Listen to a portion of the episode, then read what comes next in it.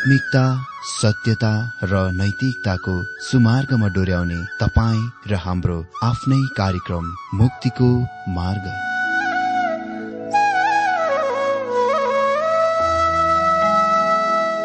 आदरणीय श्रोता यस मुक्तिको मार्ग कार्यक्रममा हार्दिक स्वागत छ। आशा छ यस आत्मिक कार्यक्रमद्वारा जीवनमा आत्मिक आशिष अलौकिक शान्ति र आनन्द प्राप्त गर्नुहुनेछ। र जीवनमा धन्य अनुभव गर्नुहुनेछ। आउनुहोस् श्रोता मन र आत्माको तयारीको लागि यो मिठो अनि मधुर भजन गीत सुनौ।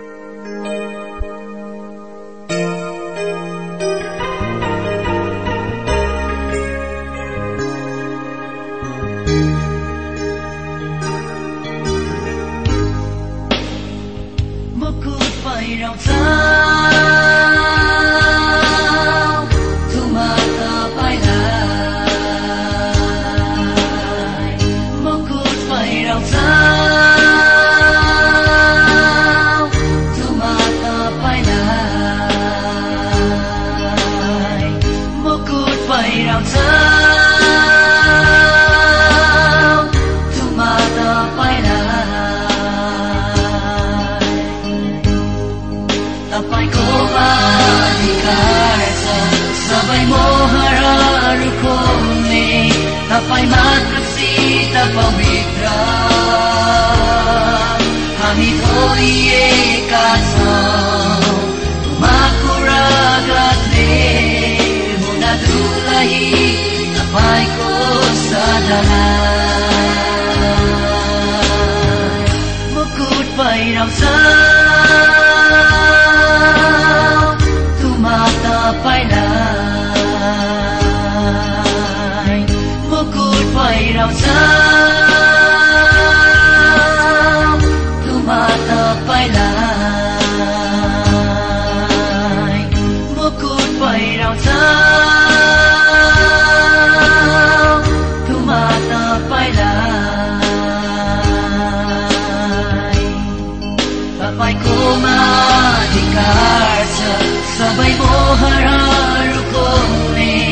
तपाईँ मात्र सिद्ध पवित्र।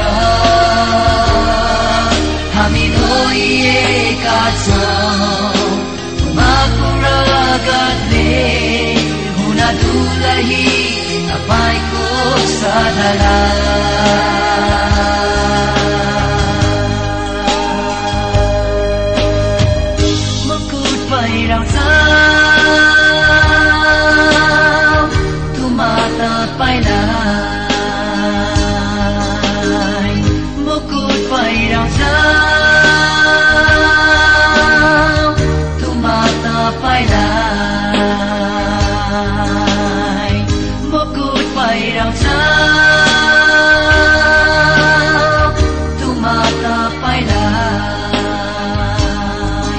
तपाईँकोमा अधिकार छ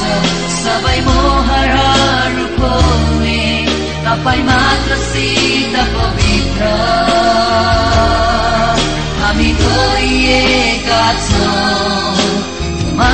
रगतले हुन दुलही तपाईँको सदना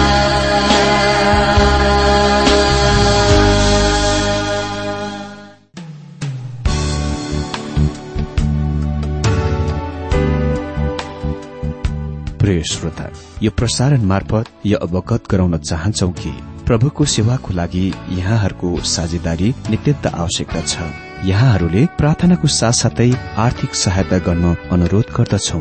तपाईँहरूको सानो भन्दा सानो भेटी किन नहोस्? हामी प्रभुको नाममा स्वीकार गर्नेछौ। प्रभुको सेवाको लागि। तपाईँहरूको यो सानो लगानीले कसैको जीवनमा भिन्नता ल्याउँछ? अनि प्रभुको महिमा हुन्छ। प्रभु तपाईँहरूलाई महान गरी आशिष दिनुहुनेछ। इच्छुक श्रोताहरूले तपाईँको इच्छा भेटी हाम्रो ठेगानामा पठाउन सक्नुहुन्छ जुन ठेगाना हामी कार्यक्रमको अन्तमा दिनेछौ।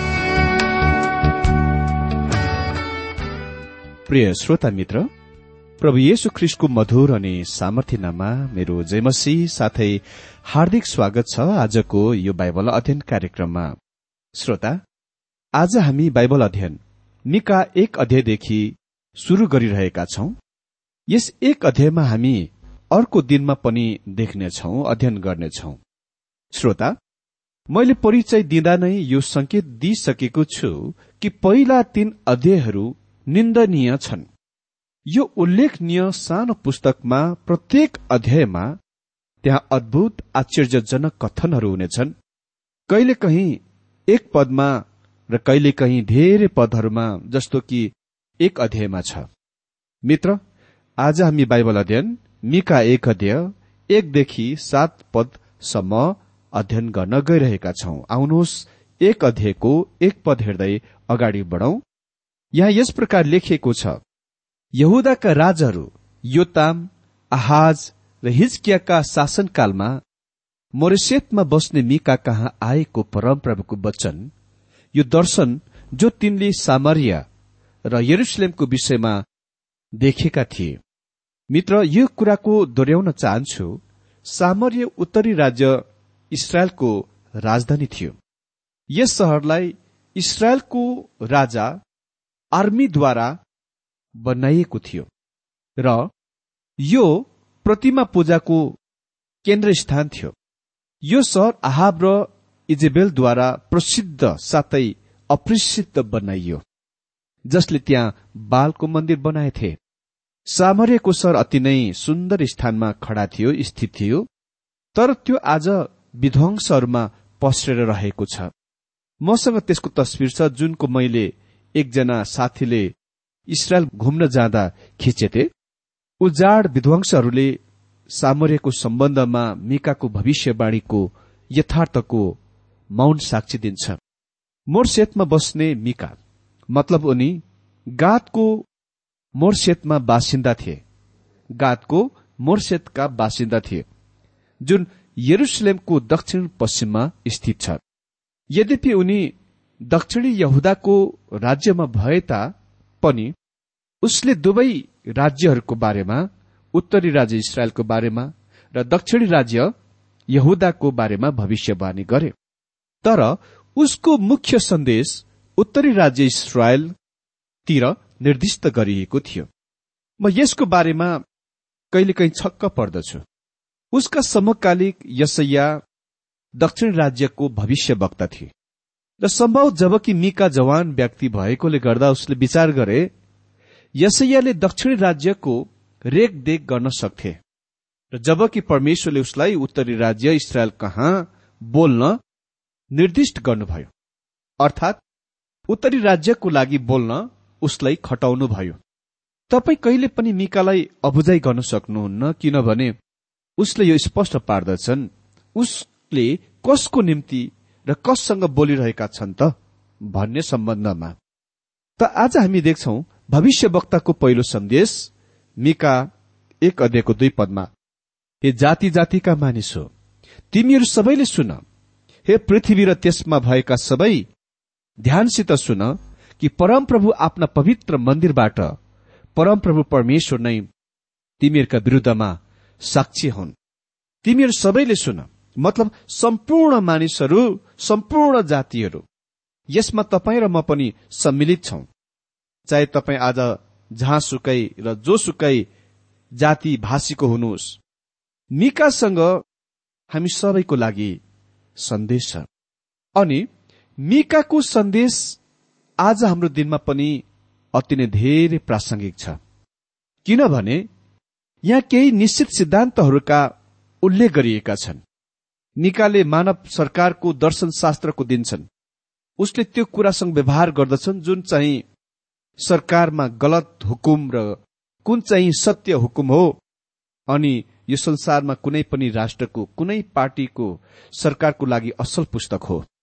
लेखिएको छ हे जाति जातिका मानिस हो तिमीहरू सबैले सुन। हे पृथ्वी र त्यसमा भएका सबै ध्यानसित सुन। जबकि हामी प्राय जसो यो संसारमा भएकोले गर्दा मिकाले हामी सबैलाई भनिरहेका छन् आह्वान गरिरहेका छन् परमप्रभु आफ्नो पवित्र मन्दिरबाट परमप्रभु परमेश्वर नै तिमीहरूका विरूद्धमा साक्षी हुन्। मिकाले ती कुराहरूको लागि साक्षीको रूपमा परमेश्वरलाई बोलाइरहेका छन् जुन उनी बोल्न गइरहेका छन् त्यो कुराको साक्षीको लागि। परमप्रभु आफ्नो पवित्र मन्दिरबाट हेर्नुहोस् यहाँ। परम प्रभु उहाँको पवित्र मन्दिरमा र उहाँको स्वर्गीयमा हुनुहुन्थ्यो र अहिले प्रभु दण्डमा तल आउनुहुनेछ। तीन पदमा लेखिएको छ हेर परमप्रभु आफ्नो वासस्थानदेखि आउँदै हुनुहुन्छ। उहाँ तल ओर्लनुहुन्छ र पृथ्वीका उच्च स्थानमा टेक्नुहुन्छ। यो भाषा अति नै सुन्दर छ यद्यपि यो धेरै तरिकाहरूमा भयानक डरलाग्दो भाषा भए तापनि। पृथ्वीका उच्च स्थानहरूमा पृथ्वीका उच्च स्थानहरूमा टेक्दै। अर्थात् आफ्नो वासस्थानदेखि आउँदै हुनुहुन्छ। तपाईँलाई यादै होला उच्च स्थानहरू या अग्लो ठाउँहरू। प्रतिमा पूजाका स्थान थिए। प्रतिमाहरू अग्ला डाँडहरूमा झ्याम्म परेका रुखहरूको मुनि राखिन्दथे। साथै त्यस दिनहरूमा सहरहरू उच्च अग्लो उठेका स्थलहरूमा स्थित थिए। दुवै सामर्य र यरुसलेम पहाड़हरूमा डाँडाहरूमा बसालिएको थियो। प्रभु येशुले त्यस सहरको बारेमा उल्लेख गर्नुभयो जो डाँडामा बसालिएको छ जुन कदापि छिपिन सक्दैन। र सहरसँग त्यसको आसपास र वरिपरिका सम्पूर्ण क्षेत्रमाथि महान प्रभाव थियो। जब कुनै सहर सरकारको आसन वा रहने ठाउँ हुन्छ यससँग केवल तत्कालिक क्षेत्रमा मात्र महान प्रभाव हुँदैन तर सम्पूर्ण संसारमाथि त्यस प्रभाव हुन्छ।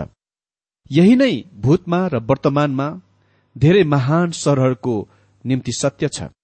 उही समयमा उही साथमा सहरहरू महान पापको केन्द्रहरू पनि हुन्। यही नै कारणहरूको लागि परमेश्वर दण्डमा आइरहनु भएको छ। यो पृथ्वी उहाँ पृथ्वीका उच्च स्थानहरूमा टेक्दै आउँदै हुनुहुन्छ। मित्र यहाँ लेखिएको छ हेर परमप्रभु आफ्नो वासस्थानदेखि आउँदै हुनुहुन्छ। उहाँ तल ओर्लनुहुन्छ र पृथ्वीका उच्च स्थानमा टेक्नुहुन्छ। अनि चार पद आगोमा मैन पग्ले जस्तै र भिरालो ठाउँबाट पानी बगे झै ती पर्वतहरू उहाँको चरण मुनि पग्लन्छन् र उपत्यकाहरू टुक्रिन्छन्। यो निश्चय नै ज्वालमुखी क्रिया र भूकम्पहरूको तस्विर हो। हामी यो उही भाषा न्यायकर्ताहरूको पुस्तकदेखि हबकुकको पुस्तकबाट शास्त्रहरूमा पाउँदछौ। उदाहरणको लागि भजन संग्रह अठारको सातदेखि दश पदमा तब पृथ्वी हल्लिएर काँप्यो पहाड़हरू जग समेत कामे र उहाँ रिसाउनु भएको हुनाले ती हल्लिए। उहाँको नाकमा फोरारबाट धुवा निस्क्यो र उहाँको मुखबाट निस्केको आगोले भस्म पार्यो। यसबाट कोइलाहरू सल्किए। स्वर्गीयलाई पनि निहुराएर उहाँ तल आउनुभयो। निष्पट अध्यारो उहाँको पौमुनि थियो र उहाँ एउटा करूबमाथि सवार भएर उड्नुभयो। बतासका पखेटामा बसेर बेग हानेर उहाँ उड्नुभयो।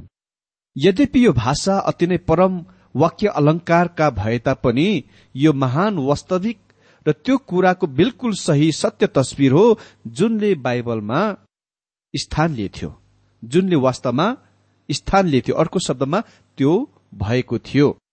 कसले र केले मौसम र प्राकृतिक शक्तिहरूको नियन्त्रण गर्दछ त? यसले यसको बारेमा प्रश्न खड़ा गर्दछ।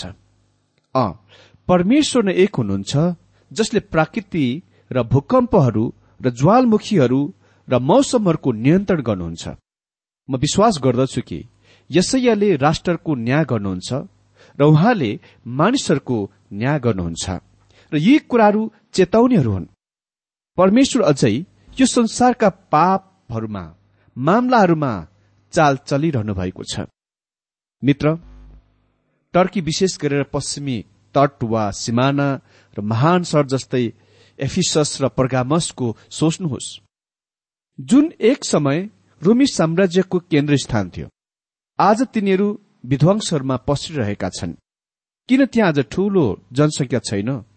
तर खाली साना सहरहरू मात्र छन्।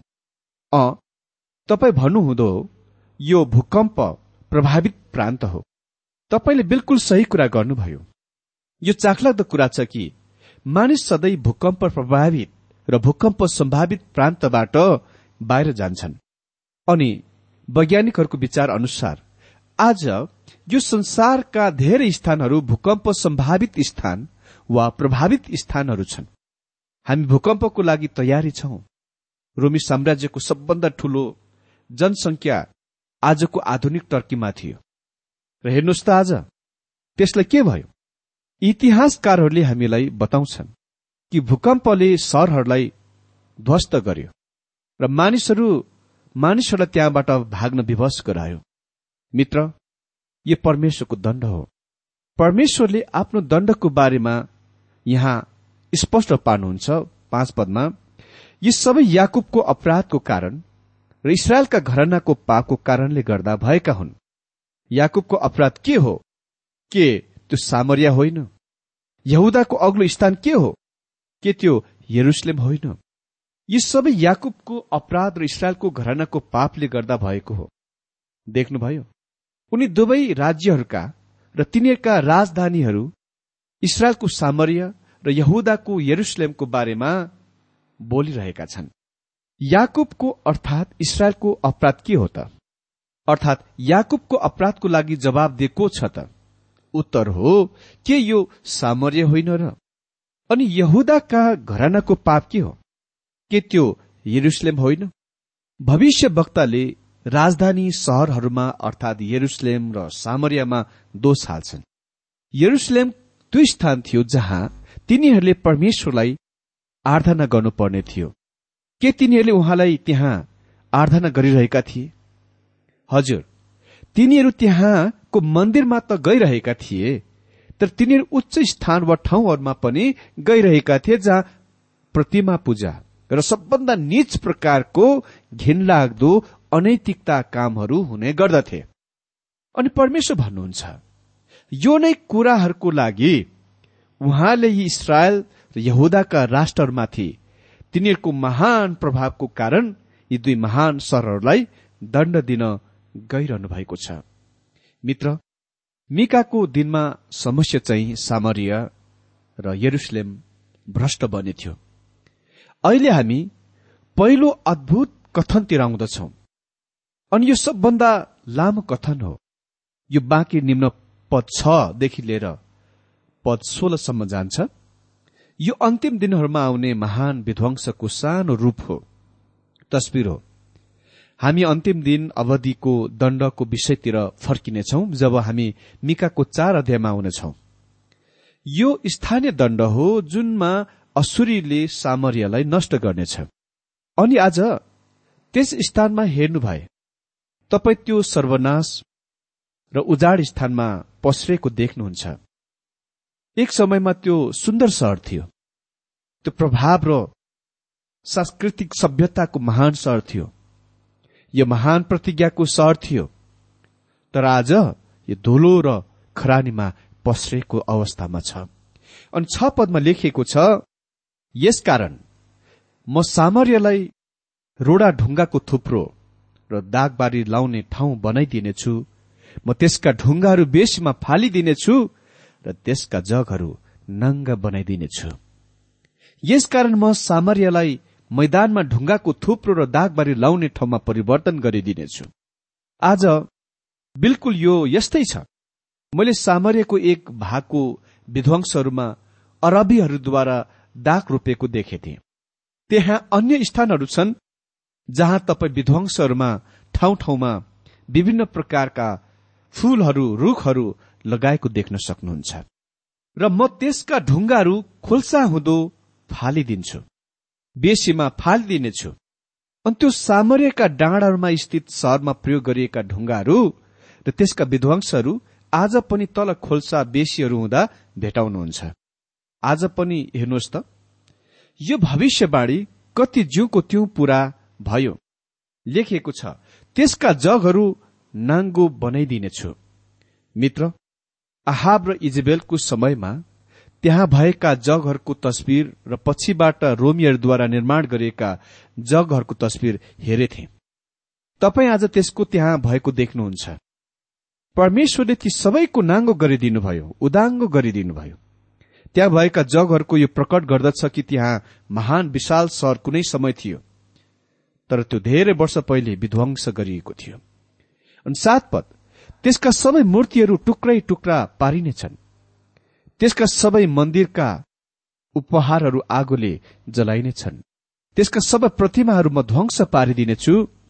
ती उपहारहरू बेस्याको ज्यालाबाट त्यसले सञ्चय गरेको हुनाले बेस्याकै ज्यालाहरू चाहिँ ती फेरि प्रयोग गरिनेछन् लेखिएको छ त्यसका सबै खोपिएका प्रतिमाहरू टुक्रै टुक्रा पारिनेछ। जब म त्यहाँ थिएँ मैले हाम्रा गाइडलाई सोधे त्यहाँ वरिपरि आसपासमा केही प्रतिमाहरू छन् त? पुरातत्व विद्वानहरूले केही प्रतिमाहरू मूर्तिहरू भेटाए त? उसको उत्तर थियो अह मूर्ति पूजाहरूको त्यहाँ कुनै सबुत प्रमाण छैन। यद्यपि हामी जान्दछौ यहाँ प्रतिमा पूजा हुने गर्दथ्यो। म तपाईँलाई यो याद दिलाउन चाहन्छु कि अग्ला ठाउँहरू उच्च स्थानहरू जुन यहाँ उल्लेख गरिएका छन् ती स्थानहरू थिए जहाँ वेदीहरू र मूर्तिहरू उभिएका थिए र सबभन्दा निज प्रकारका पूजा त्यहाँ हुने गर्दथ्यो। उदाहरणको लागि मल्लेको पूजामा वेदी वा मूर्तिलाई आगोले जलाएर रातो हुने गरी पोलिन्थ्यो जहाँ वास्तवमा साना बच्चाहरूलाई बलिदान गरिन्दथ्यो। ओ त्यो कति क्रूर कति भयानक कुरा थियो। अनि त्यस प्रतिमा पूजासँगको सम्बन्धमा सबभन्दा निच घिनलाग्दो अनैतिकताको क्रियाकलाप हुने गर्दथ्यो। अर्को शब्दमा धर्म र अवैध यौन सम्बन्ध त्यहाँ हुने गर्दथ्यो। त्यसका सबै ज्यालाको दाम आगोले जलाइनेछ ज्यालाको दाम अति नै चाखलाग्दो शब्द हो। यसले मूल्यवान भाँडाहरूको संकेत गर्दछ जुन अन्य जाति मन्दिरमा पिन्दथे अनि इजेबेलको महलको विध्वंसहरूमा पुरातत्वविदहरूले केही साना हात्ती दाँतबाट बनेका भाँडाहरूका शेषहरू भग्नावशेषहरू भेटाएका छन्। जुन ती भाँडाहरू थिए जुनमा सुगन्धित अत्तर राखिन्दथे र ठूला भाँडाहरूमा चाहिँ मध्य राखिन्दथे। लेखिएको छ त्यहाँका सबै मूर्तिहरू म विध्वंस पारिदिनेछु किनकि बेस्याको ज्याला झै त्यसले ती सञ्चय गरिएकी थिए र बेस्याकै ज्याला झै ती फर्काइनेछन्। सेक्स काम बाँच्न यी प्रतिमा पूजक रीति संस्कारहरूको तत्वमा थियो। उदाहरणको लागि कोरन्थीमा अक्रोपोलिसमा अफ्रोडाइटको पूजा आराधनामा त्यहाँ हजारौं कन्या भनाउँदाहरू त्यहाँ थिए जो संसारमा बेस्याहरू बाहेक अरू कोही थिएनन्। काम बाँच्न सेक्स धर्मको एक भाग थियो त्यहाँ। कुनै पुरुषले दाम दिनु पर्दथ्यो जब तिनीहरूका पूजा आराधनाको स्थानमा जान्थे। मित्र परमेश्वरले यस्ता घिनलाग्दा कुराको लागि त्यसलाई दण्ड गरेको हामी देख्दछौ। चाहे मन्दिरमा होस् या मन्दिर बाहिर त्यहाँ बेस्या खाना थियो अनि यो सबै धर्मको नाममा गरिन्दथ्यो त्यस बेला यो फोनिसियनहरूको बीचमा फिलिस्तियरको बीचमा सत्य थियो र इसरायलले तिनीहरूका धर्मलाई ग्रहण गरेका थिए अप्नाएका थिए। यो पदको अन्तिम खण्डले भन्छ बेस्याको ज्याला झै। त्यसले ती सञ्चय गरेकी थिए र बेस्याकै ज्याला झै ती फर्काइनेछन् मिका भनिरहेका छन् ज्यालाहरू फर्काइनेछन् र फेरि पापको लागि प्रयोग गरिनेछ यी कुनै भाँडाहरू रोमियरको समयमा फेरि निश्चय नै प्रयोग गरिएका थिए। हेरोडले फेरि त्यस सहरलाई पुननिर्माण गरे। उसले त्यस स्थान मन पराए। यो रहनलाई अति नै आनन्दमय स्थान थियो। र यसलाई विध्वंस पतन गरियो पनि। र आज यो विध्वंसहरूमा छ। अन्य जाति पूजा मुख्य पाप थियो। यो पापहरूको क्रम संख्यामा लाइनमा पहिलो पाप हो। यसको लागि परमेश्वरले सामर्य र यरुसलेममाथि दण्ड ल्याउनुभयो अनि यसरी मिकाको भविष्यवाणी जिउको त्यो पूरा भयो। परमेश्वर आजको बाइबल अध्ययनद्वारा हरेकलाई धेरै धेरै आशिष दिनुभएको होस्।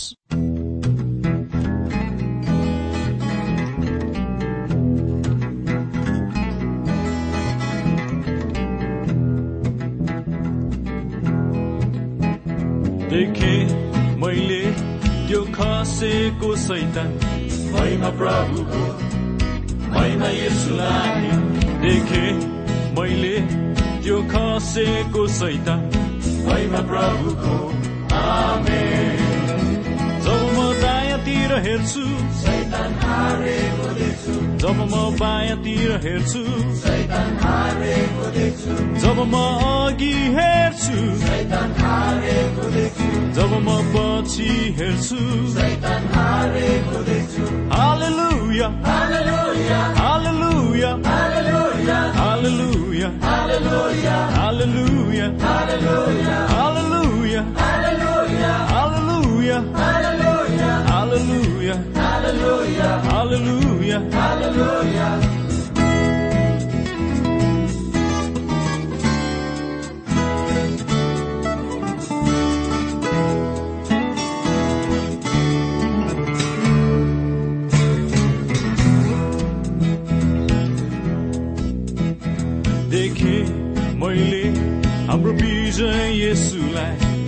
महिमा प्रभुको महिमा यसुलाई देखे मैले हाम्रो विजय यसुलाई। महिमा प्रभुको आमेन जब म दायाँतिर हेर्छु जब म बायाँतिर हेर्छु जब म अघि हेर्छु जब म पछि हेर्छु Hallelujah. Hallelujah. Hallelujah. Hallelujah. Hallelujah. Hallelujah. Hallelujah. Hallelujah. Hallelujah. Hallelujah. Hallelujah. Hallelujah. Hallelujah. Hallelujah. Hallelujah.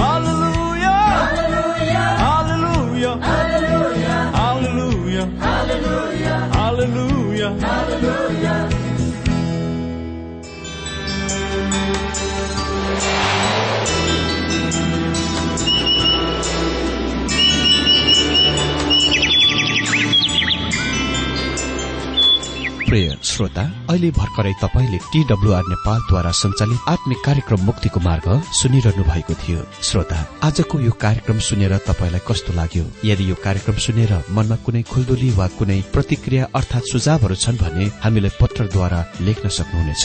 हामी हृदयदेखि नै स्वागत गर्नेछौ स्वीकार गर्नेछौ साथै बाइबल सम्बन्धित प्रचारहरू कार्यक्रम सारणीहरू हामी अनुरोधमा पठाउन सक्छौ। अनि तपाईँसँग कुनै प्रार्थनाको विषय छन् भने हामीले तपाईँको लागि प्रार्थना गरेको चाहनुहुन्छ भने प्रभुमा आफ्नै परिवार सम्झेर हामीलाई पत्रमा लेख्न सक्नुहुनेछ। तपाईँको लागि हामी प्रभु येशुसँग प्रार्थना गर्नेछौ। अधिक जानकारी र पत्रचारको लागि हाम्रो ठेगाना यस प्रकार छ।